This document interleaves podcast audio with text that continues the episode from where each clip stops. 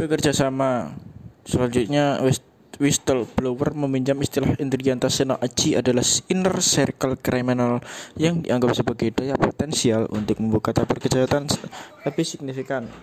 Secara yuridis whistleblower sebagaimana peraturan pemerintah nomor 71 tahun 2000 adalah orang yang memberi suatu informasi kepada penegak hukum atau komisi mengenai terjadinya suatu tindak pidana korupsi dan bukan pelapor. SIMA nomor 4 tahun 2011 membedakan secara tegas antara justice collaborator dan whistleblower yaitu sebagai berikut.